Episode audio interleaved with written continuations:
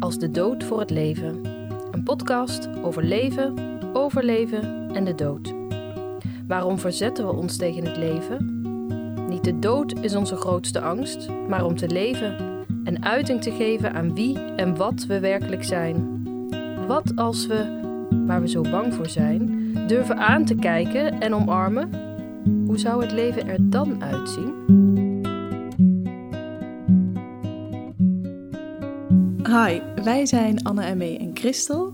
En vandaag zitten we bij Karen in haar eh, prachtige natuurhuisje in Overloon. En uh, mochten we bij haar thuiskomen, of uh, verwelkom jij ons. Super mooi en fijn dat we hier mogen zijn. En ik mag Karen vandaag voorstellen. En Karen is een mama van twee puberdochters. En ze is een yogadocente. En uh, zoals ik Karen heb leren kennen, is ze een free spirit. En uh, leeft ze helemaal vanuit haar innerlijke weten. En Karen heeft baarmoederhalskanker. En Karen is eigenlijk haar weg, ontdekkingstocht, zoals ik je heb ontmoet, gaan onderzoeken voor genezing. En op een moment is Karen een nieuwe fase aangebroken. En dat is namelijk de fase van acceptatie dat je in je laatste levensfase zit. En eigenlijk ken ik haar nog helemaal niet zo goed. Uh, we kennen elkaar via wederzijdse vrienden. En toch heb ik het gevoel dat ik je al heel lang ken. En um, wat ik ook voelde, en dat voel ik nu ook weer, is eigenlijk, waarschijnlijk Anne ook, maar heel veel dankbaarheid dat jij vandaag vanuit jouw vrije gevoel je verhaal wilt delen. Waarbij ik het gevoel heb dat je heel veel mensen zult gaan inspireren en hun lichtpuntjes gaat brengen. Maar hopen ook dat het jou iets fijns brengt. Voor dat je iets achter kan laten voor als je straks hier niet meer op aarde bent. En uh, wij spraken elkaar laatst twee dagen geleden. En toen sprak je vol energie. Het was avond en je bruiste nog van de energie. En zou je iets willen delen hoe het vandaag is, Karen? Mm, ja, dank jullie wel. Ook voor de mooie introductie. Uh, vandaag is het qua energie iets minder, voel ik. Uh, ik heb niet zo'n goede nacht gehad. Maar dat is nu ook in deze fase dat het de ene dag gewoon beter gaat dan de andere dag. En het is oké. Okay. Ik ben blij dat ik hier ben met jullie. Dus uh, ja. En zou jij um, als start iets willen vertellen over je leven? Je hebt een heel levensverhaal, stonden we straks ook over bij stil. Um, zou je eens willen vertellen wat belangrijk is voor vandaag? Zeker. Nou, ik denk eigenlijk dat heel erg belangrijk is, en misschien is het wel de kern, is dat ik als heel jong kind um, ja, heel gevoelig was. En uh, ik heb om me heen gekeken en ik dacht, oh, waar ben ik uh, terechtgekomen? En ik begreep er helemaal niets van. En ik heb dat eigenlijk opgepakt als zijnde, oh, er is iets mis met mij. Want uh, ja, zoals ik ben, dat kan niet. dat heeft niemand. Dus laat ik me maar aanpassen. En dat is eigenlijk al, denk ik, vanaf. Ja, we hebben, ik heb wel eens een keer in een sessie, zeg maar, dat was ik drie jaar oud. Dus ik was echt nog heel klein. En ik stond helemaal open, denk ik. En inderdaad had ik heel verbinding met uh, het hoger of het licht of de bron, of hoe je het dan ook noemt. Maar niemand in mijn omgeving was daarmee bezig. Dus ik heb. Uh, ja, ik heb me aangepast en uh, gedacht van oké, ik moet anders zijn, dus ik moet meedoen. Hè, met, uh, ik denk dat dit eerlijk gezegd het verhaal is van heel van velen onder ons, hè, misschien wel van iedereen. Dus uh, ik ja, bij me gaan aanpassen en um, ik was wel heel erg veel ziek als kind, heel veel astma, dus ik kreeg letterlijk geen lucht. dat is ook wel bijzonder. Um, waardoor ik heel veel miste op school en nou ja, uiteindelijk Mm, heb ik een hele schoolcarrière gedaan. Van MAVO naar de doksassistentenopleiding, naar de HBOV, naar de universiteit. Waarbij ik ook steeds dacht van, oh, kan ik het wel? Um, maar um, ja, ik kon het elke keer heel goed eigenlijk. en um, ja, wat daarin belangrijk is, is dat ik inderdaad heel erg voor de buitenwereld, denk ik, zo mijn best deed om erbij te horen. en uh, dat lukte heel goed. ik was overal goed in en ik won altijd prijzen. En uh, ja, ik was gewoon, uh, ja, ik was eigenlijk heel succesvol. Ook iedereen om me heen dacht dat ook. Was ook zo. Ik kreeg ook een baan aangeboden op de universiteit. Oh ja, wat nog wel leuk is om te vertellen, is dat ik eigenlijk ook als klein kind altijd zei: ik wil later alle mensen beter maken. En dan vooral in Afrika. Dat was een soort van ding wat ik al heel jong had. Dus ik ben ook twee keer in Afrika geweest voor stage. Maar ik heb niet alle mensen beter kunnen maken, helaas. dat is niet te doen. Maar uh, dat begreep ik toen nog niet zo. Maar dat is wel uh, zeg maar waar ik vandaan kom. Zeg maar de, hele, de behoefte om iets goed te doen, denk ik, voor, voor mensen.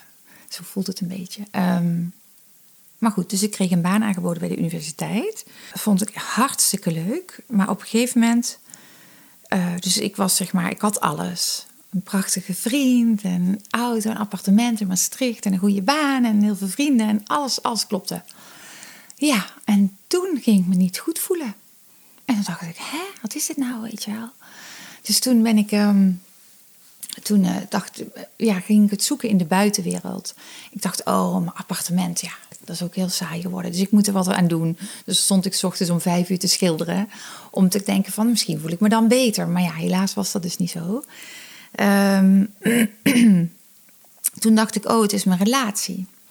Dus het was echt een hele, hele fijne man waar ik mee was. En ik dacht, ja, nee, het is mijn relatie. Dus ik heb het uitgemaakt, zeg maar, na vijf jaar. Maar het, het werkte allemaal niet eigenlijk. Uh, niks hielp. En vooral mensen van buiten zagen ze eigenlijk al eerder dat het niet goed met me ging dan dat ik dat zelf zag. Ik ontwikkelde toen in die tijd ook bulimia-klachten.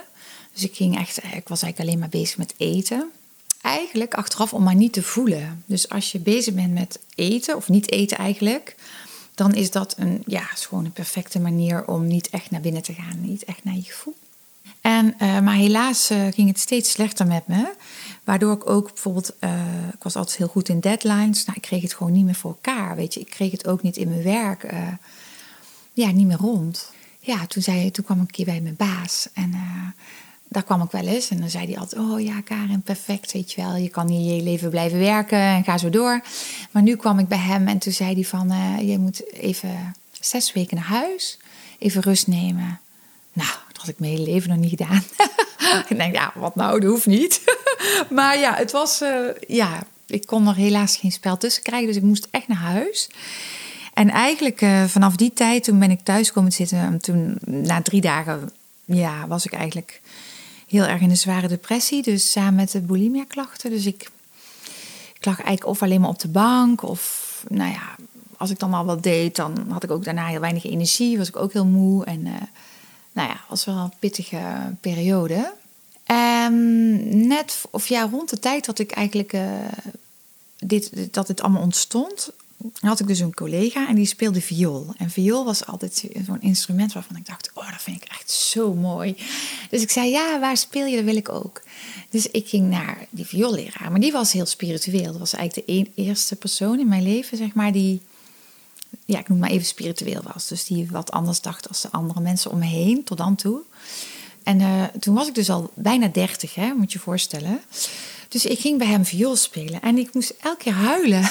Elke les moest ik huilen gewoon, want die viool die raakte mijn hart. En toen zei hij, ja, ja, Karen, ja, je bent echt mijn beste leerling, want daar was ik ook weer goed in natuurlijk. Maar zei hij, ja, misschien moet je een keer met mijn vrouw spreken, want die is uh, spiritueel therapeut en hij had zoiets van, oh, er zit zoveel in jou, weet je wel, waar je helemaal niet naartoe gaat. Dus nou ja, goed. En zij raden mij ook aan om naar een centrum te gaan, de centrum de in Bijlveld. Dat was toen een spiritueel centrum. Toen waren er nog bijna geen spirituele centra in Nederland. Nu stikt het ervan. Dat is ook heel fijn. Dus heel veel mensen zijn er nu mee bezig. Maar toen was dat echt niet zo. En toen dacht ik, oké, nou, ik ga daar wel een keer kijken. En toen kwam ik daar en dacht ik echt, jeetje, deze mensen, die zijn echt, oh.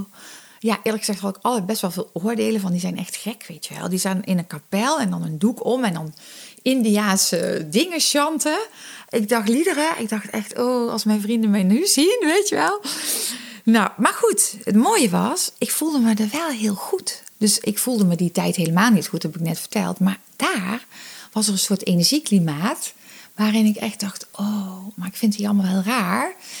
Maar ik voel me wel heel fijn, weet je wel. Dus dan had ik me ook ingeschreven voor, de, voor, de, voor zo'n week. Had ik later weer afgezegd.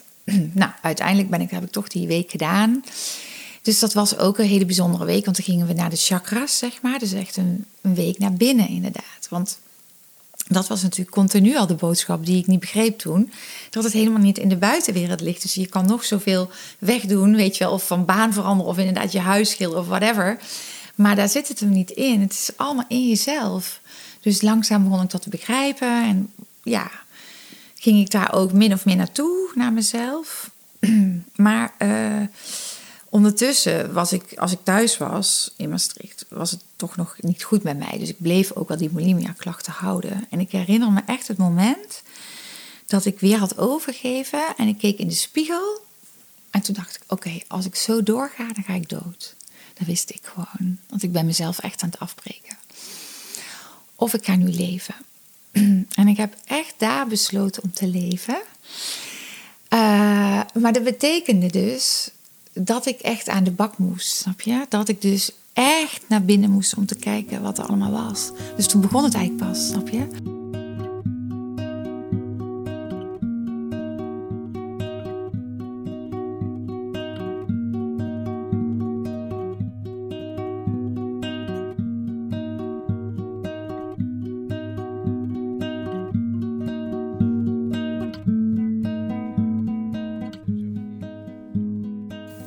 Meteen de volgende dag de Leonardeshoeve gebeld. Van kan ik nu komen? Uh, want ik kies voor het leven, en ik, maar ik heb wel hulp nodig, weet je wel. Dus ik heb, ben daar intern gegaan. Uiteindelijk heb ik ook uh, het appartement in Maastricht opgezegd en heel veel spullen weggedaan. Een paar spullen die heb ik bewaard in een loods. En ik ben daar een soort van een paar maanden gaan wonen. En het was heel goed voor me, want inderdaad, dat energieklimaat was zo fijn en zo liefdevol. En um, het was ook een dagritme, wat natuurlijk ook, hè, depressie, dan wil je alleen maar op de bank liggen. Maar nu moest ik eruit en zat ik dus ook in die kapel te chanten. En uh, nu ben ik, als ik er nu nog kom, nou, nu kom ik er niet meer. Maar als ik de laatste jaren, dan zat ik bijna het hardste te zingen van iedereen. Zo gaat het al. Maar ja, dus, uh, ja, dus een hele ontwikkeling, zeg maar. Hele opening ook voor dat wat eigenlijk zo bij mij hoort. Wat eigenlijk zo bij mij past, weet je. Maar wat ik natuurlijk die 30 jaar helemaal ontkend had. Um, dus dat was een hele goede zet van mij om daar naartoe te gaan. En toen heb ik ook mijn, ja, mijn nu ex-man uh, leren kennen daar. En hij zei van, uh, oké, ik, uh, ik wil, zullen we samen gaan pelgrimeren naar Jeruzalem? En ik had meteen iets, ja, daar wil ik. dus ik was, ik was in de ziektewet inmiddels. En ik heb zelfs toestemming gekregen. Dus ik heb, ben naar de arts heel eerlijk gezegd hè, wat mijn plannen waren. En het was oké, ik kreeg gewoon hulp. Zeg. Maar ik mocht dus met toestemming pelgrimeren. Uh, toenmalige partner dus. Die had zoiets van, ik ga naar Tessé. Dat is een, uh, dat is een plek in uh, Frankrijk. En hij wilde dan, net als, uh, zeg maar, hij heeft veel met Christus. Net als Christus 40 dagen niet eten en drinken. Nou, met mijn bulimia-achtergrond dacht ik, dat is niet handig, ga ik niet doen. Uh, weet je wat, ga jij dan maar naar Frankrijk al met de trein. Ik ga dat eerste stuk ook al lopen vanuit de Leonardeshoeve. En dan gaan we vanuit daar samen verder. En eigenlijk die pelgrimage, zeg maar dat ik alles had weggedaan, alleen maar een klein rugzakje. En ik ging lopen vanuit de Leonardeshoeve in de natuur. Ja, ja, dat was zo bijzonder voor mij, omdat ik omdat ik uh, echt voelde dat ik meer ging voelen. Ging beter zien, ik ging beter ruiken. En ik ging het in het begin nog heel erg op mijn oude manier doen, want we zitten zoveel patronen, het is heel moeilijk hè, om daarvan af te komen. Dus mijn soort wetenschappelijke achtergrond ging ik elke ochtend plannen waar ik naartoe ging. En het kwam nooit uit. Niet één keer is het uitgekomen. Zoals ik het wilde. Echt zo grappig. Dus dat heb ik geleerd om dat totaal los te laten. Maar dat was natuurlijk heel moeilijk van go with the flow. Ja, dat zeggen ze altijd. Hè? Go with, toen, zei dat nog niemand. Maar ja, dus ik dacht, oh oké. Dus ik kwam erachter, oké, ik moet dat loslaten. Die planning en die kaart. En ik moet gewoon lopen en vertrouwen. En dat was ook zo mooi, want ik moest wel elke avond een slaapplek hebben, want het was nog te koud. En op het moment dat ik niet in het vertrouwen zat, dus zeg maar in de, in de angst, hè, in de angst van, oh, ik moet een slaapplek hebben. Dan moest ik nog uren lopen, echt waar. Maar op het moment dat ik, dat ik dacht van, oh ja, weet je wel ik, ik loop en ik voel dat ik, hè, dat, ik, dat ik niet alleen hier loop, maar dat ik inderdaad geleid word. En dan zat ik helemaal in de liefde of in het goddelijke of in het licht of hoe je het dan ook noemt. Het is allemaal hetzelfde. Maar in ieder geval, als ik daarin liep, dan was het om de hoek, weet je. Dan, dan was het er gewoon. Want er is, alles is eigenlijk voor ons aanwezig. Alleen, wij zetten onszelf vaak ertussen. Dus dat was een hele mooie les daar. Daar heb ik echt geleerd om... Uh, ja, dat er zoveel meer is. Daar heb ik geleerd dat er zoiets is als geleiding. Als iets, ja, als iets goddelijks, als iets meer dan je mind, die, je persoon die probeert dingen te sturen. Dus dat was voor mij heel belangrijk, die, die pelgrimage. En op het laatst was dat zo sterk dat als ik een weg inliep, dan voelde ik gewoon van, oh, voel me niet lekker, zeg maar. En dan liep ik een andere weg in en dan dacht ik, oh ja, hier is het licht. En dan liep ik gewoon die weg in, gewoon puur op vertrouwen. Dus ja, dat was fantastisch. En ehm, toen uh, ben ik met, met, met die partner dus doorgelopen, gingen we samen lopen. En toen ging dat helemaal mis. Want wat ik deed, was ook een oud patroon weer. Ik ging me dus aanpassen aan de ander. Dus ik was weg bij mezelf. Het ging echt helemaal niet. Hij had ook een totaal ander tempo. En ik verloor als een soort van... Ik verloor eigenlijk helemaal die geleiding. Dus toen zijn we ook in Rome zijn we gestopt. Dus toen hebben we drie maanden gebelgemeerd zijn we gestopt. Het was niet meer... Het bracht niet meer dat wat we wilden allebei. Toen was ik denk ik 32 of zo, ja. En toen heb ik daarna een half jaar in Zweden gewoond. En toen ben ik naar India gegaan. En, en India, ik zette daar voet op die op dat land, zeg maar. En ik voelde me meteen thuis. Dat is heel apart. Ik voelde, want ik hoor ook van mensen dat ze echt India echt verschrikkelijk vinden. Maar ik was daar thuis gewoon. Ik voelde het. En daar had ik ook weer. Ik ging alleen reizen, heel klein rugzakje. En toen ben ik, uh, ben ik eerst naar Pune gegaan, naar Osho Community. Heb ik daar geschilderd. En daarna voelde ik, oké, ik ga Vipassana meditatie doen. En toen heb ik, heb ik tien dagen dus alleen maar mediteren. Ik wist eigenlijk niet zo goed waar ik aan begon. Oh man, en dat was ook echt heel zwaar, want toen kon ik ook nog niet zo zitten in de, in de kleermakerszit. Dus ik moest op een stoel zitten, vond ik heel confronterend, want iedereen kon dat dan wel en ik niet. En, oh. en ik vond dat hele mediteren echt mega zwaar. En ik weet nog dat we ook s'nachts wakker werden gemaakt om te mediteren. Toen was ik echt boos, zo van, je maakt me toch niet s'nachts wakker, weet je wel? Dus alles komt dan voorbij. En, uh, maar uiteindelijk, na die tien dagen, oh, het was echt, ja, dat dat was ook wel echt een live event, vind ik voor mezelf. Want ik had een bord eten, zeg maar. En ik was aan het eten en ik zag dat alles licht was. Alles is licht, weet je. Boah, ik voelde echt... Ja, ik kan het niet beschrijven in woorden, maar ik zag dat alles licht was. En dat zeg maar het bord met eten, dat was iets verdichtere energie. Snap je? Daardoor kon ik ergens onderscheiden dat het een bord was. En kon ik zien dat er ook wat op lag. Maar alles was licht. Ja, het was fantastisch. En uh, ja, dat heeft, me, heeft echt iets ook in mijn systeem gedaan, voel ik, in mijn lichaam, die ervaring. En ik wilde ook eigenlijk nooit meer praten, want het was natuurlijk in de stilte. Maar toen kreeg ik een stroomstoot toen ik iets in stopcontact in India stak. En toen kreeg ik een stroomstoot en toen zei ik toen kwam er weer geluid uit mij. Toen dacht ik, oh ja, oké, ik moet wel af en toe praten. Maar het is belangrijk eigenlijk dat je vanuit je zijn praat. Maar dat is daarna ook weer helemaal niet gelukt hoor. Maar daar zat ik toen wel heel erg in. En toen ben ik ook vanuit die, ja, vanuit, dat, vanuit die meditatie weer gaan reizen. En dan zeiden mensen tegen mij van, ja, waar ga je naartoe?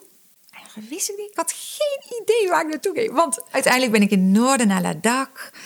Daar voelde ik me ook thuis, want daar is meer het boeddhisme aan de, dus het boeddhisme, dat, dat raakte me ook heel erg. En toen zat ik bij een tanka schilder, dus dat is op een hele fijne manier schilderen. En toen dacht ik, oh ja, dit heb ik ook in eerdere levens gedaan. Zo, weet je wel, zo'n gevoel van, ja, dit ken ik. Ja. Daar was je ook goed in.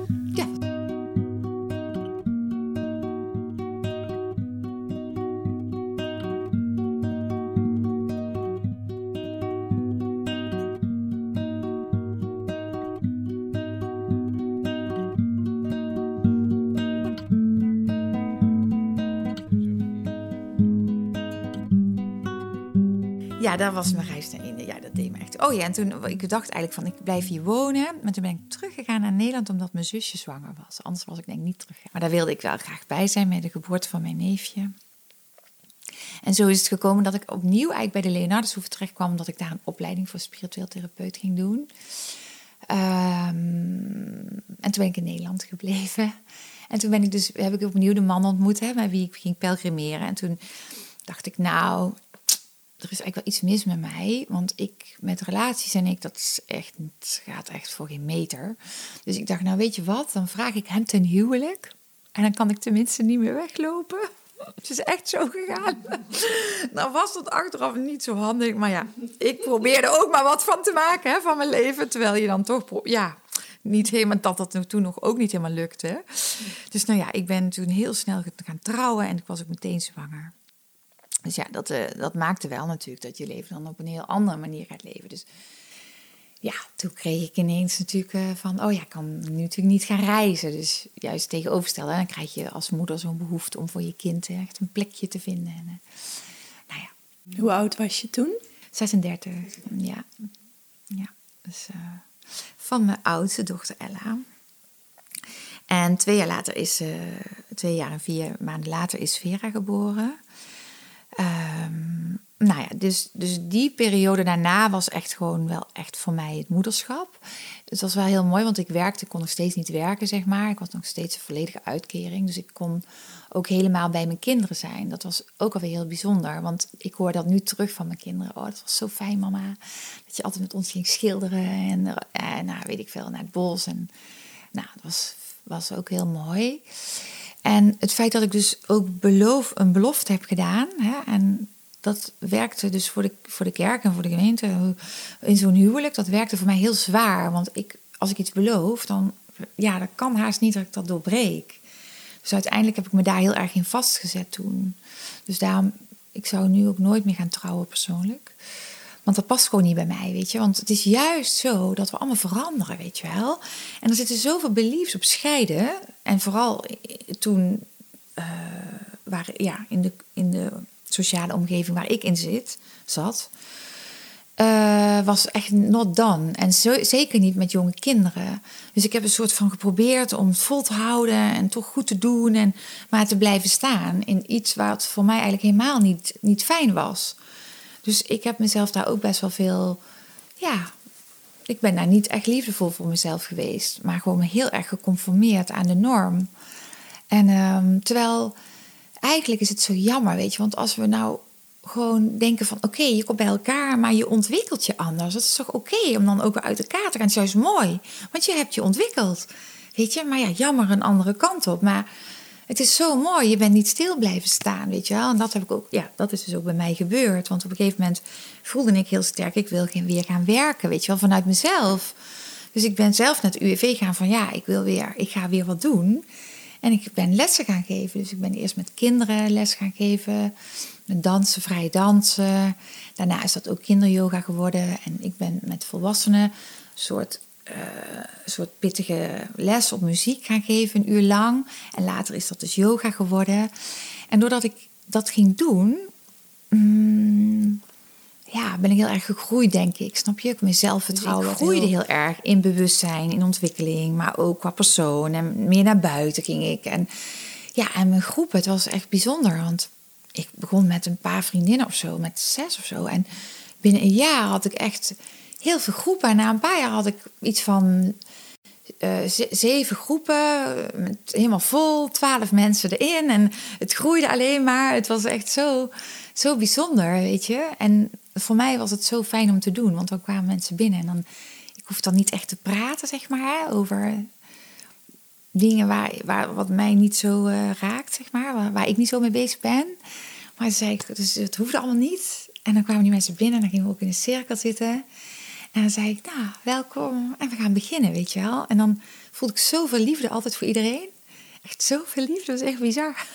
en dan voelde ik ook helemaal dat, dat ik ook daarin, weet je wel, tijdens de lessen helemaal zo vanuit die flow en vanuit de geleiding eigenlijk probeerde ik zoveel mogelijk die lessen te geven. En in het begin was ik natuurlijk nog onzeker. Hè. Dan ging ik weer op mijn oude tour. Ging ik weer eerst bedenken welke, welke, welke had ik mijn iPad nog dan langs van, oh ja, nu deze oefening had ik dan thuis geoefend. Oh mijn god. Dus ja, weet je dat. Eh, maar op het laatst kon ik dat ook weer loslaten en vanuit dat vertrouwen. Maar dat is zo ontzettend moeilijk eigenlijk hè, voor ons mensen om vanuit dat vertrouwen. Want we zijn heel bang dat we het fout doen of dat het dan niet lukt. Terwijl dan lukt het juist, weet je. Het lukt juist. Als je vanuit die, ja, die goddelijke geleiding... Oh, dan, wordt er, dan komt er ook magie, hè?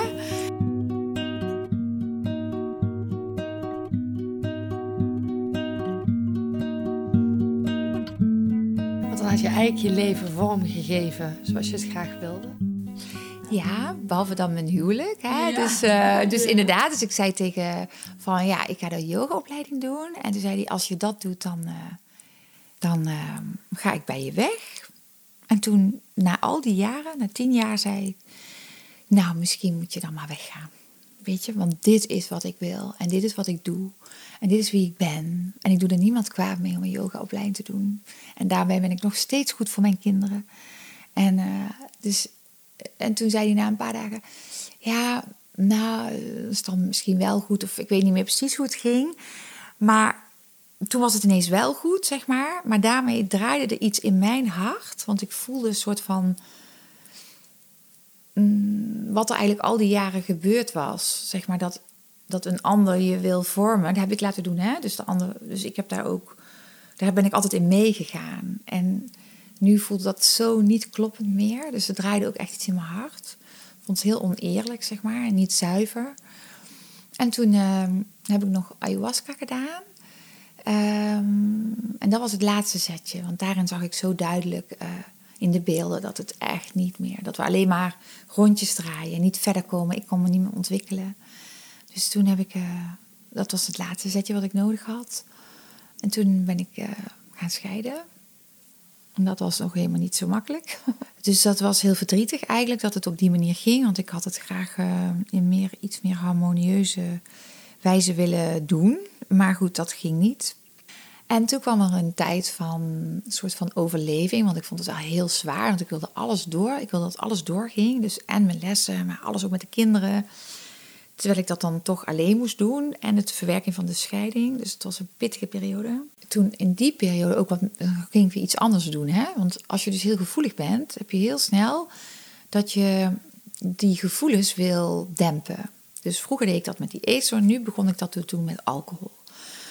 Dus, uh, wat natuurlijk helemaal niet handig is, maar dat deed ik wel. Dus op een gegeven moment ging ik dat ook wel zien van mezelf. Van, oh ja, weet je wel, ik vind toch wel dat ik best wel veel drink. Dus toen ging ik er ook wel mee, mee stoppen. Maar dat was dan weer vanuit wilskracht, weet je wel. Omdat je dan denkt, ja, dat moet ik niet doen. Maar uiteindelijk ben ik daar helemaal mee gestopt. Omdat ik uiteindelijk na een paar jaar gewoon steeds meer van mezelf ging houden. En daar gaat het om. Op het moment dat je heel erg van jezelf houdt, dan doe je jezelf dat gewoon niet aan, weet je. Dan kijk je wel uit. Je kunt wel een keertje een glaasje drinken natuurlijk, omdat het gezellig is. Proost, zeker. Maar weet je, niet, niet op de manier waarop ik dat deed. Dus... Um, ja, dus uiteindelijk, uh, na een paar jaar, ging het steeds beter met me. En uh, ja, was ik, werd ik, ja, het ging echt steeds beter. En met de kinderen ging het ook heel goed. Uiteindelijk um, heb ik dat toch allemaal maar mooi gedaan. Ik denk nu ook achteraf, misschien heeft het ook wel te maken met dat ik nu ziek ben. Dat het, is al allemaal bekend, zeg maar. Ik geloof dat alles al al bekend is in het leven. Dat alles eigenlijk al vaststaat. Maar wij hebben de illusie dat we zelf uh, ons leven vormgeven. Maar ik ben daar niet zo uh, van overtuigd. Ik denk dat het al, hè, dat, natuurlijk was het al duidelijk dat ik dit had, alleen ik wist het niet. Dus ik ben gestopt met yogalessen en ik heb een, echt mijn soul sister gevonden, zeg maar. Die zat bij mij bij de yoga. Die zei, ja, ik wil graag met jou samenwerken. En ik had die vraag eerder gehad, maar mijn lat was altijd heel hoog. Dus ik dacht altijd, nee, nee, nee, ik doe dat wel zelf. maar bij haar had ik meteen zoiets, ja, met jou wil ik echt zo graag samenwerken. En we kennen elkaar nou ruim twee jaar. En ik heb het gevoel dat ik haar ook mijn hele leven al ken. En zij is echt, ja, ik weet niet, we hebben altijd zoveel plezier ook samen. En helemaal op één lijn. Dus we zijn ook samen een bedrijf gestart. Eh, de Rising Sisters of the Sun. noemden we ons. Ik vind alleen al de term zo leuk. En ik had daar heel veel plezier in, want het was dus heel vrij. En we gingen alleen maar creëren met z'n tweeën. Dus dan ging ik naar haar toe en maar wel echt op heel erg op spiritueel gebied. Dus we hebben zelf de website ook helemaal gemaakt. En hè, dat we dan aanboden van, uh, nou, je kunt bij ons terecht met vragen als je wil. Dan kunnen we met je meekijken. En, uh, dus dat deden we. Maar daar waren we eigenlijk helemaal aan het opbouwen. Nou ja, en toen in januari afgelopen januari. 2022 Ja, dan, bedoel je? 2022, ja. Dus ik ben nu al inmiddels, eh jongen, jongen, al... Toen was ik nog 51, ik ben nu 52 in juni geworden. Ja. Zo zie je er dus echt helemaal Oh, niet dankjewel. Nee, dat is echt... Maar ook gewoon als ik jou zo hoor praten, dan voelt het zo vol levensenergie. Dat ik het ook gewoon, wat ik eigenlijk net, dat was nog voordat we de opname starten, echt zoiets had van, maar je ziet er niet ziek uit. Je ziet dat, dat, dat, ja, dus Ja. dan, in je lijf is het wel zo, Ja. en het is echt zo. En Ja. ja, ja. Maar als ik nu zo ook zit te praten, weet je wel, met jullie vanuit mijn hart. En ik voel dat, hè, dat jullie het echt kunnen ontvangen. Dan voel ik me ook totaal niet Nee. ziek, hè? Nee, dan voel ik me, dan krijg ik weer juist energie, weet Ja. je wel. Dan denk ik, hè, ben ik ziek? Nee, Ja. dit is zo wat ik... Ja, dit is zo wat mij ook zoveel brengt, weet je wel. Om Mm. hier zo met jullie dit te delen. Dus ja, het is ook zo fijn dat jullie hier naar willen luisteren, zeg maar. Ja. Dus, januari. ja, dat was januari. Ja. En ik zat op de fiets. Dat was ook weer zo'n zo'n moment, weet je wel, wat je nooit meer vergeet. En toen kwam ik net dus van Siska, dus van mijn soul sister af, zeg maar. Hadden we gewerkt. Nou ja, werk. Ik, voel, ik, voel, ik vond het altijd spelen, weet je wel. Ja, ja, eh, zij brengt me ook heel erg dat jeugdige in mij naar boven of zo. Maar dat ben ik natuurlijk heel erg. Ik heb gewoon hele blije energie eigenlijk in me. Dus en dan samen, zij heeft dat ook. En dan samen is het echt, ja, hebben we altijd een feestje, zeg maar.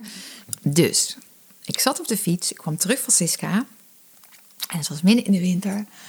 En ik dacht, wow, ik ben echt gelukkig, dacht ik. En dat wilde ik eigenlijk mijn hele leven ook worden. Gelukkig worden. Dus ik had wel mijn leven nu zo, zeg maar. Met mijn kinderen heb ik echt zo'n fijn contact. Ik heb zo'n prachtige dochters. Ze zitten in de puberteit, maar ik heb helemaal niet... Ik heb al gewoon zo'n fijn contact met hun. Dat is echt heel bijzonder. Dus met mijn meiden gaat het supergoed. Nou, ik had dan Siska. Het enige wat ik wel voelde van... Oké, ik zou wel graag... Dat zou ik mezelf ook echt gunnen. Een leuke partner willen. Zou ik echt... Weet je, dat lijkt me echt zo fijn. Maar ik dacht, nou, dat komt. Weet je, die komt er. En ehm, ja, en, en, en... Maar verder... Ik heb een fijn huisje. Ik heb het zo... Ik heb een superleuke, lieve hond.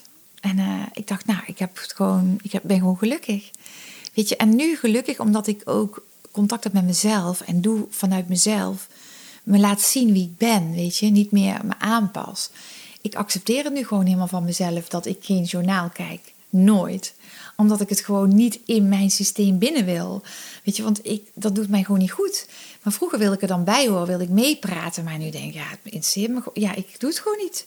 Weet je, dus zo, ik ben gewoon heel anders dan heel veel mensen. Maar ik, ik vind dat nu juist helemaal oké wie ik ben. Dus ik zat er helemaal happy op de fiets te zijn. En een paar weken later eigenlijk. Ik moet wel zeggen dat ik al een jaar lang best wel vloeide. Maar ik was daar en, en ik ben niet zo van. Ik, ben, ik, ben, ik was dus nooit ziek. Hè? Dus inderdaad als kind, hè, astma. Maar verder, ik ben echt nooit ziek. In al die jaren dat ik les heb gegeven, heb ik geloof ik één les ooit afgezegd omdat ik ziek ben. Ik was gewoon altijd heel fit en heel sterk. Juist door, ook door de yoga, denk ik heel erg. Ja, nee, dat denk ik niet, dat weet ik zeker. En door, mijn, door dat ik ook heel erg gezond ging eten. En uh, ja, ik kook zelfs mijn rijst in bronwater, zeg maar. Het gaat echt ver, hè?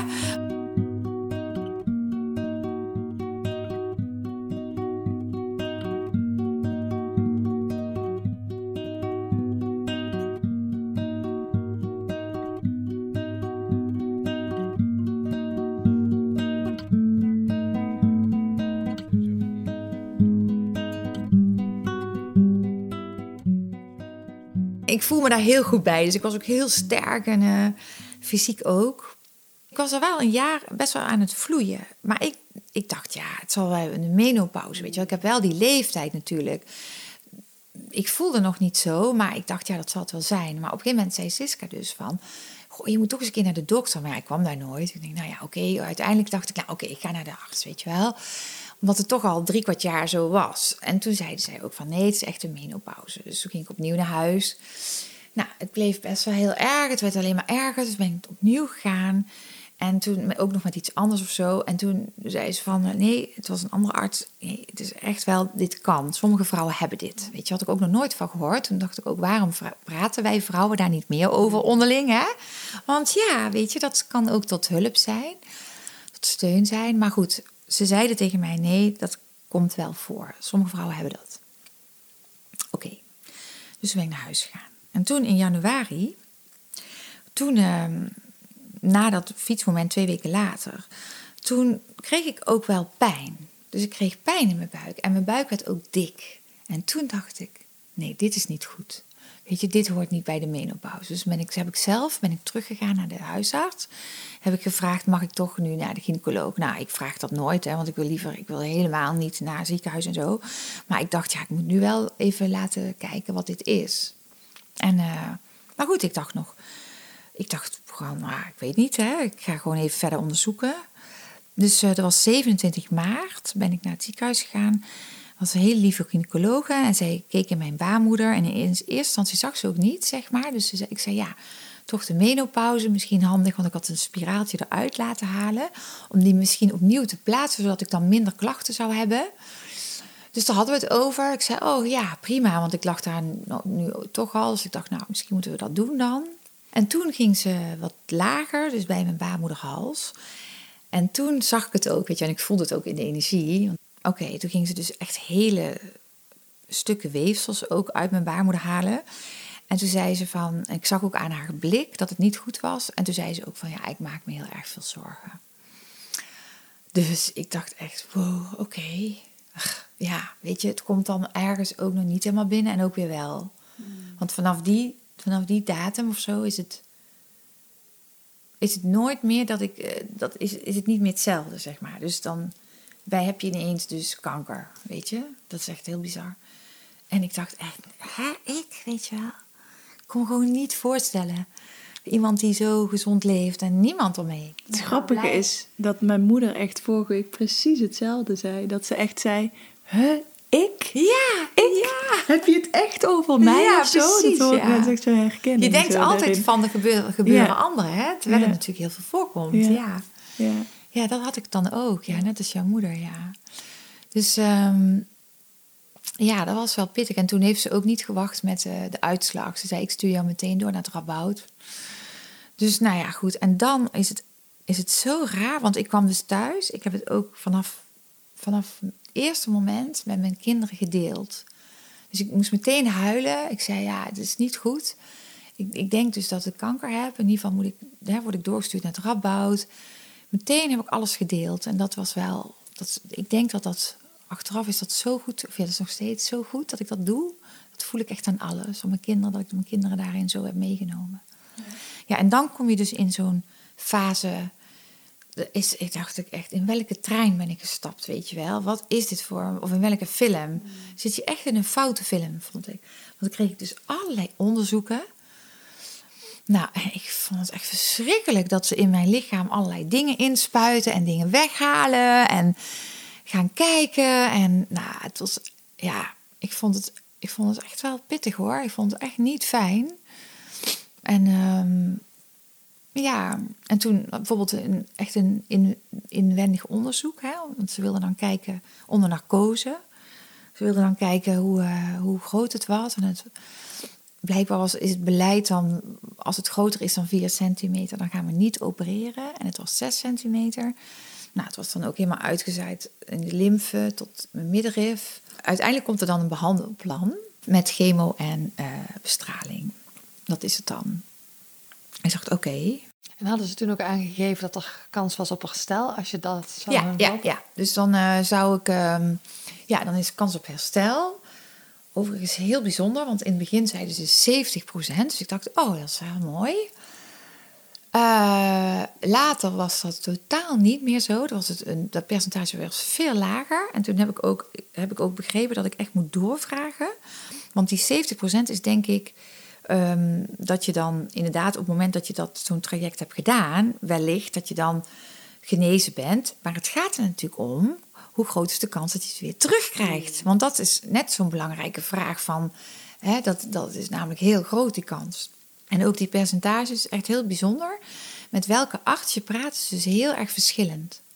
Dat vond ik echt, echt heel raar. En de ene was zeg maar een soort van heel positief. En ik had ook een andere arts en die, nou, die had echt, het percentage was lager en alles was bij haar lager. Dus dat was ook wel heel apart dan, weet je wel. Van, ja, wat, wat is het nou, weet je? Was dat dan een verschil in arts van second opinion? Of was nee, het was gewoon hetzelfde zeg maar, de ene was dan radioloog, dus in hetzelfde ziekenhuis, en de andere was de gynaecologe. Dus dan, dus dan heb je met meerdere artsen te maken. En dan heb je ook nog met een arts te maken die voor de chemo. eh, Ja, het zijn echt aparte afdelingen of ja, zo, hè? het die zijn dat- aparte ja. afdelingen. Er kwam drie artsen en drie case managers. Daarna had ik dus ontzettend behoefte om even weg te gaan van alles en iedereen. Ik dacht echt, wat is dit? Ik moet weg. En ehm, dus ik, ik heb mijn kinderen voor het eerst tien dagen alleen gelaten. Of een week was het, ik weet niet meer. Ehm, ik zeg, kunnen jullie dat? Of willen jullie, hè, willen jullie bij vriendinnetjes slapen? Nou, ik had allemaal eten in de koelkast, weet je wel. Het was voor het eerst. Ik had wel zo'n nachtje niet, eh, een nachtje zonder de kinderen. Maar dit was wel echt wel langer. Maar ze wilden het echt heel graag thuis blijven. En ze wilden het graag proberen. Nou, ik ging naar Spanje en eh, was zo blij, lekker in de zon. Ik had een privé zwembadje, het was echt super gaaf. Via Airbnb of zo, echt een superleuk huisje in de bergen. Ik denk, weg allemaal, maar ja. en eh, ik ging heel veel mediteren in die tijd. Want eigenlijk zeg maar op het moment dat ik de, de uitslag kreeg... kreeg ik van een hele goede vriendin van mij uit... die in Thailand woont al een tijd... de, de formula als cadeau. De formula van Joe Dispenza. Dus Joe Dispenza, een Amerikaan die heel erg... Je kent het, die, jullie kennen het... eh, die gespecialiseerd is op het gebied van meditatie. Hij heeft een bepaalde meditatietechniek... En heeft daar ook een soort cursus in. En dat is dan de formula. En hij, op zijn website, is echt heel interessant, staan dus heel veel mensen die genezen zijn van kanker. Hè, door zijn methode, zijn, door zijn meditaties te volgen. Vind ik echt mega inspirerend, omdat het dan gewoon altijd een goede reminder is. Naast namelijk de hele, het hele collectief, wat zegt dat je doodgaat op het moment dat je kanker hebt, natuurlijk. Dus dat is ons collectief. Ja, dus en spontane genezing, dat komt, hè, moet je eigenlijk, dat weet bijna niemand of zo, weet je wel. Daar heeft niemand het over. Maar dat is wel iets wat echt echt gewoon bestaat. Dus ik kreeg van Mieke de cursus als cadeau. Dus dat vond ik echt super lief. En toen ben ik dat heel fanatiek gaan doen. Hè? Want hij zegt ook, je moet het elke dag doen. Dus ik, ik elke dag gewoon meerdere meditaties. Echt. Omdat ik maar wilde, weet je wel. Ergens, dat zat erachter. Ik wilde zo graag eigenlijk leven en alles aan doen. En, eh, dus ik elke dag die meditaties. Pff. Nou ja, de Spanje was echt heel fijn. En toen kwam ik terug. Ja, dan kom je dus terug.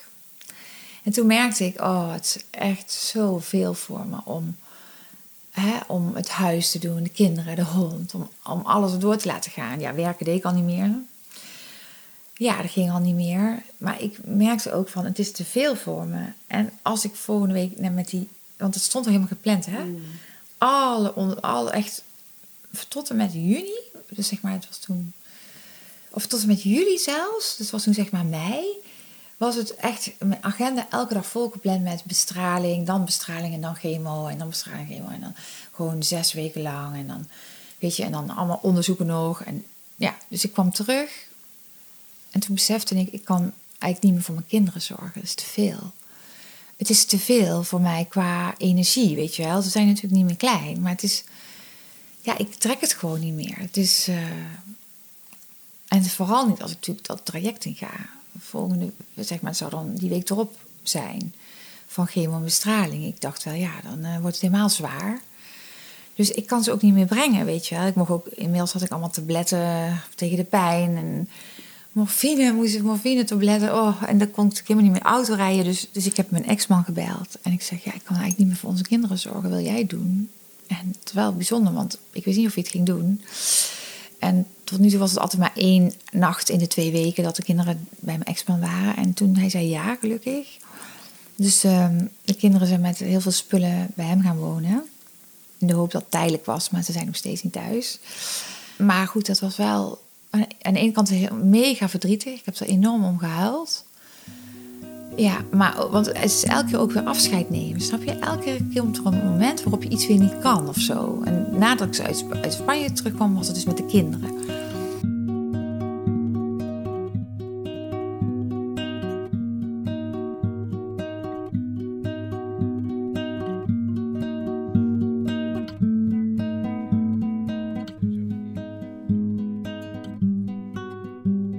Goh, zie je, ik merk ook aan mezelf dat ik nu veel minder makkelijk kan spreken Omdat ik moet bijna zoeken naar de woorden van, oh ja, hoe, hoe gebeurde het ook allemaal? Omdat dat was zo, in dat ziekenhuis was zo niet wat bij mij paste, snap je? Zie je het ook? Ja, hè? Dan, het, is, het doet echt iets. Dus je moet je ook voorstellen dat ik dan in zo'n ziekenhuis kom.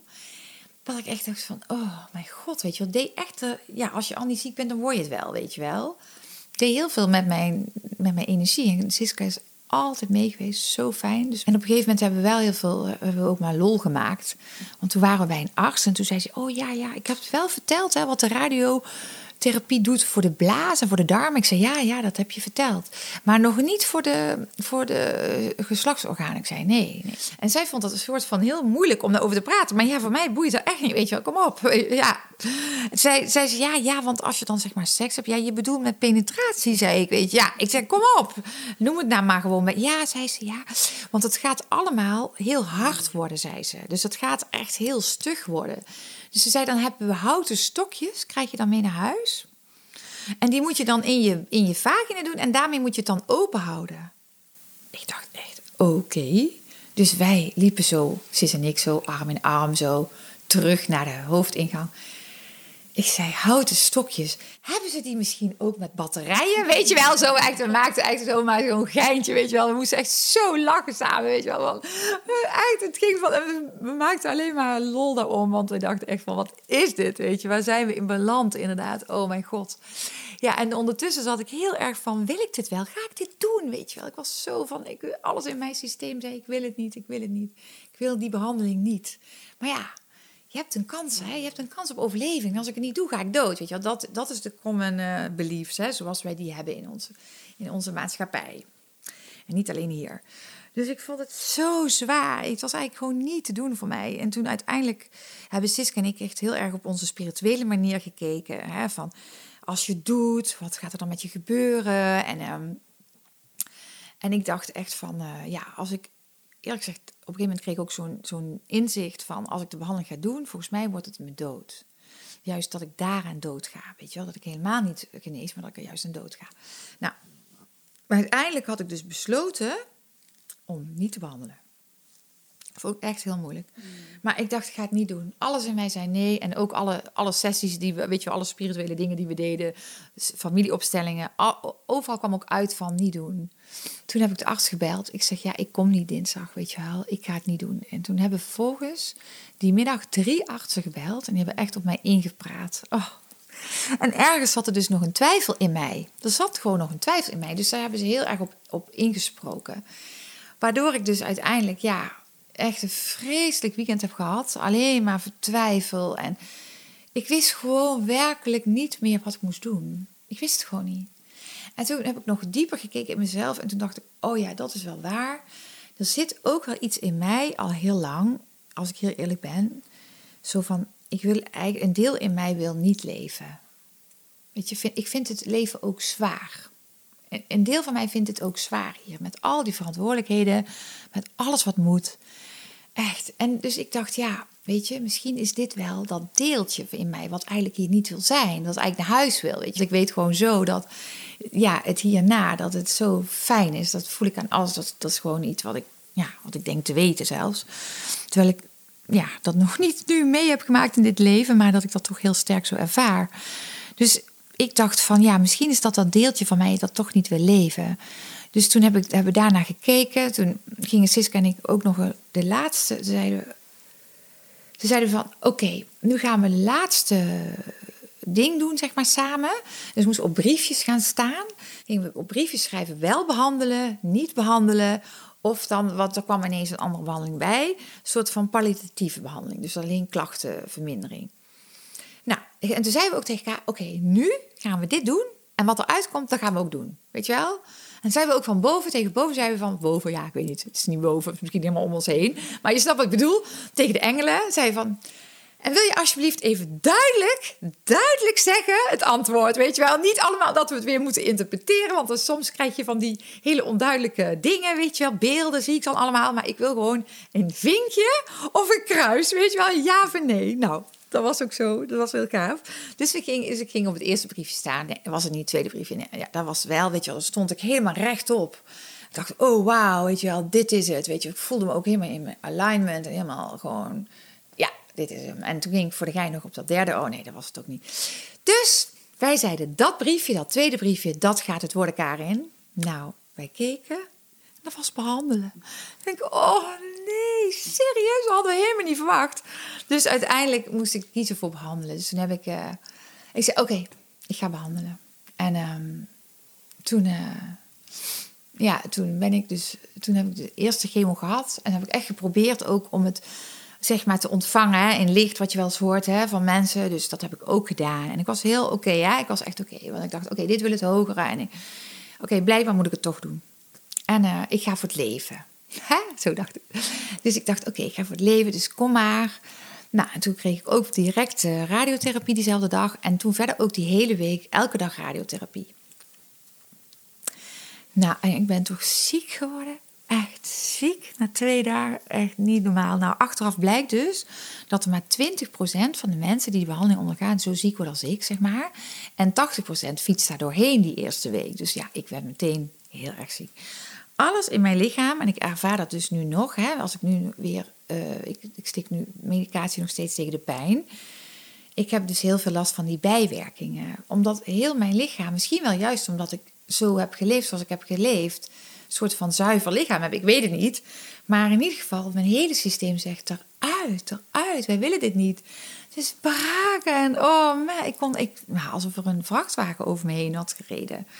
En um, ja, het is dan ook altijd heel grappig, ben ik eigenlijk. Want ik zie de wereld ook altijd als heel mooi. Hè? Ik ben echt mega naïef. En vond, dat was ook zo'n zoiets waarvan ik dacht, oh ja, dat moet ik niet zijn vroeger. Want dat is dus negatief als je naïef bent. Maar nu denk ik, ja, het is eigenlijk een heel mooie eigenschap. Want ik geloof altijd gewoon in het goede. Maar ja, soms is het dan ook heel hilarisch. Want dan, zie, dan denk je van dat er iets heel moois is. En dat is dan helemaal niet. Bijvoorbeeld met de taxi. Want ja, ik kreeg dan te horen dat ik elke dag met een taxi zou worden opgehaald. Dus ik dacht, oh wauw, wow, dat er bestaat. Weet je wel, dat is luxe. Dus ik zag gewoon voor me zo'n ja, zo'n vette bak, weet je wel. Met zo'n chauffeur. En dat ik dan, dan in mocht zitten. Nou, uiteindelijk was het zo'n busje. Ja, precies. En dan moesten we de ene patiënt ophalen en dan de andere patiënt.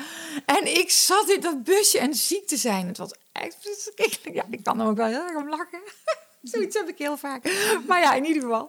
En, uh, en toen dacht ik van, oh nee. En toen kon ik, toen, en één keer moest ik twee uur wachten op de taxi. Die kwam niet opdagen. Hij is uiteindelijk Siska mij weer komen halen. Oh. En mijn vader zei, Karin, die taxi, laat het. Ik ga jou halen en brengen, weet je wel. En het is dus, oh ja, dan wil ik ook nog heel graag zeggen. Deze tijd, in deze periode, was een soort van uh, appgroep is er ergens ontwikkeld of zo. En, en um, ja, heel bijzonder. Ik weet helemaal niet hoe het ontstaan is eigenlijk. Maar Siska heeft die appgroep, oh ja, omdat we dan hulp, weet je wel, voor hulp. En er zijn steeds meer mensen in die appgroep gekomen. En nu zitten er al bijna 50 mensen in die appgroep die mij dus willen helpen. Hè? Nou, echt zo bijzonder vind ik dat. Ik denk echt, wauw. Ja, dat vind ik echt, ja, dat is zo hartverwarmend, snap je? Zo lief. Ik heb zoveel lieve mensen om me heen. Want even tussendoor, mag maar 100 mensen bij de, bij de begrafenis. Maar ik heb sowieso al 200 mensen die ik wil uitnodigen. Het is niet te doen. Maar in ieder geval, dus even terzijde. Ja, ik weet niet hoe ik dat moet doen. Het moet misschien twee keer of zo. Ik heb echt geen idee. Dus, oh man. Maar ja, dat is even terzijde. Maar waar vraag je ook die hulp? Ja, daar ben ik wel een beetje slecht in, inderdaad. Hè. Ik ben wel echt een doe-het-zelver, maar ik heb nu wel geleerd om iets meer hulp te vragen. Ja, en ik ik merk ook dat mensen het heel fijn vinden om mij te helpen. Dat is ook wel bijzonder. Ik merk dus echt dat mensen het fijn vinden, dat ik hun dus eigenlijk ook een soort van goeds toe zeg. Maar ja, ergens wel. Ja, heel gek klinkt dat. Ja. Ergens in die week dat ik zo ziek was, voelde ik, ja, dit is niet mijn weg. Het is gewoon zo niet mijn weg. Nee. En iedereen om mij heen wil dit, weet je wel. Mijn ouders willen dit natuurlijk ook, want ja, dit raakt me wel, zeg maar. Want het is zo, weet je wel, iedereen wil natuurlijk dat ik genees, snap je? Maar ik lag hier op de bank en ik dacht alleen maar, hé, hey, ik kan het gewoon niet doen. Het is gewoon niet mijn weg. En Siska wist het al natuurlijk. Die had het al gevoeld ook.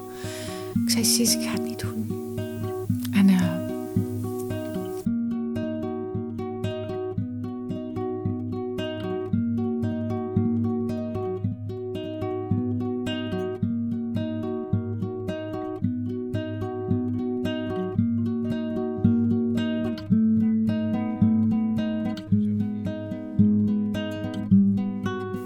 Ja, nou, ik twijfelde dus nog een beetje. Ik durfde nog niet echt mee naar buiten te komen dus.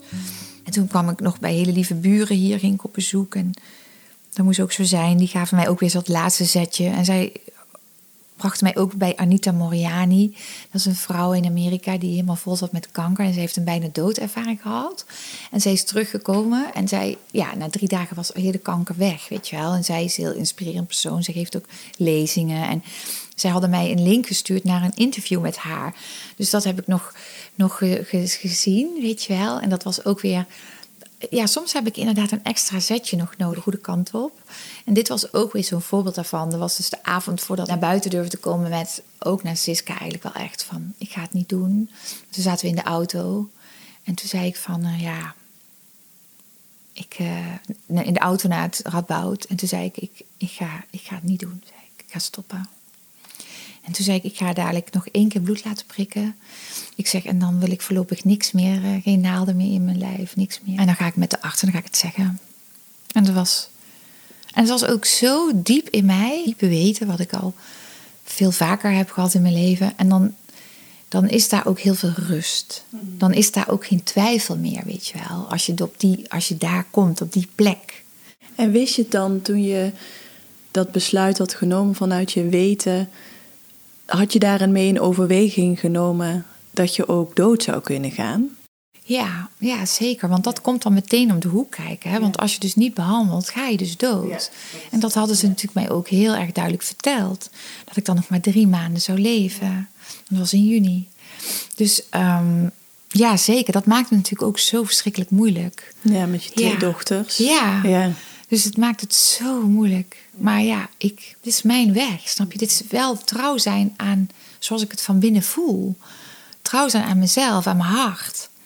En want als je hele lijf, je hele systeem, alles in mij nee zegt, dan kan ik, dan kan ik dat niet doen, weet je wel. Dan moet ik gewoon naar de ja. En de ja zit in mij. En ook al wil dan de hele wereld om me heen iets anders, dit is wel mijn ja. Het, is, gaat, om, het gaat om mij. Ja. En, en, en ik kom nu op, hè, maar zie je het dan ook als een egoïstische keuze? Ja, dat is heel interessant. Want in Nederland vinden we dus heel erg, of in onze cultuur, is het dus als je voor jezelf kiest, wordt het gezegd als egoïstisch. Terwijl ik, ik weet nu dat het juist. Het gaat eigenlijk allemaal om liefde, snap je? Hmm. Het is liefdevol naar jezelf zijn. En daarmee ben je in feite heel erg liefdevol naar de ander. Alleen, ja, de ander kan het misschien niet zo zien, maar het is wel echt zo. Ja, want anders doe ik iets voor een ander.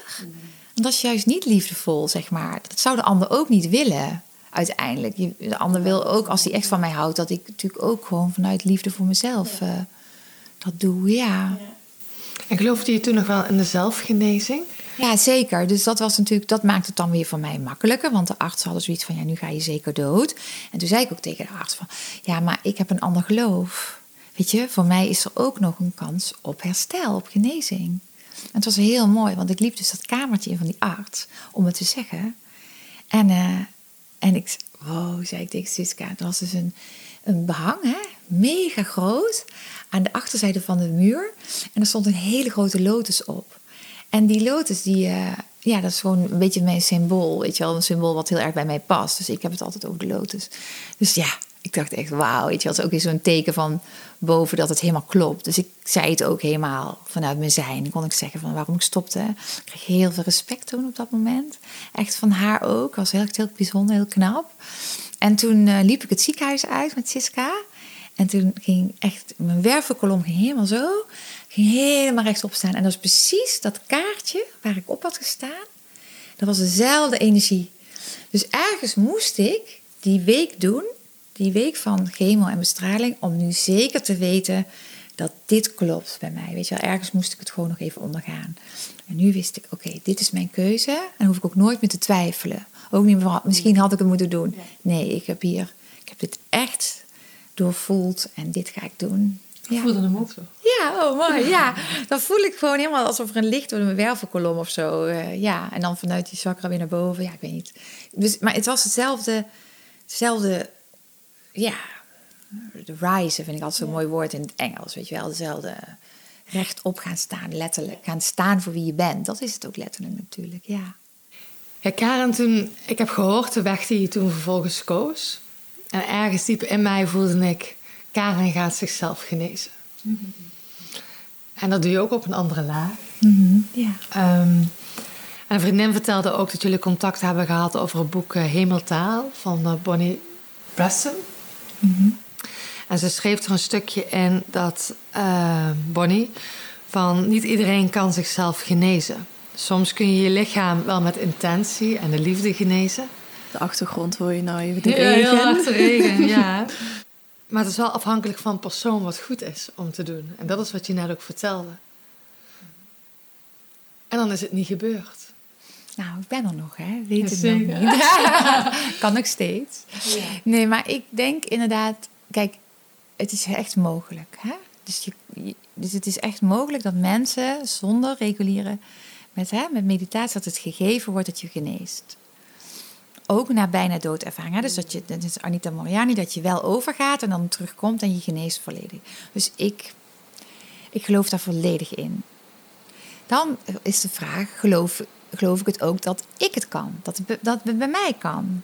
Nou, inmiddels, maar dat is inderdaad een heel verhaal, een mooi verhaal, geloof ik dat ook. Dat, ik, dat het ook bij mij zou kunnen. Dat geloof ik ook. Ik ben het wel met haar eens, weet je wel. Ehm, het is ook, wat is je weg? Wat is je pad? Weet je, als, dit, als er vooraf al alles bepaald is, zeg maar, mijn leven al. Misschien ben ik wel klaar hier. Misschien is het wel rond. Ik heb zoveel geleerd dat ik misschien ook wel klaar ben. In ieder geval, zo voelt het wel als persoon. Ik ben, voel wel dat ik als persoon klaar ben. Om dood te gaan. Om dood te gaan, Ja. ja. Omdat ik alles, het voelt heel erg rond. Ik heb alles aangekeken. Maar ik hoop ergens toch nog dat ik wel mag blijven. Omdat ik eh, inderdaad voor mijn kinderen met name. Maar ook, dat is wel bijzonder. Die liefde. Die liefde, ja. Nou ja, ook. Ja, ook. Nee, nee, nee. Ja, ja. Maar ik bedoel nog iets. Ook nog wel echt dat ik het heel, dat ik eigenlijk heel graag met mensen zou willen werken. Met mensen zou willen, willen inspireren, inderdaad. Of eh, ja, dat ik daarin iets zou kunnen doen. En dan komt toch weer die wens van vroeger als kind. Dat ik alle mensen wilde beter maken. Het zit daar wel een beetje in, weet je. Dat ik dus zou willen dat ik... ehm, ja, want ik had een hele heldere droom. Dat ik in het Radboud inderdaad twee ochtenden was. Omdat ik dus kan voorvoelen, ik denk ook echt dat ik dat kan, wat er gebeurt met mensen. En ik kon, zeg maar, ik werkte vooral op de afdeling bij de coma-patiënten. Dus ik was hun stem.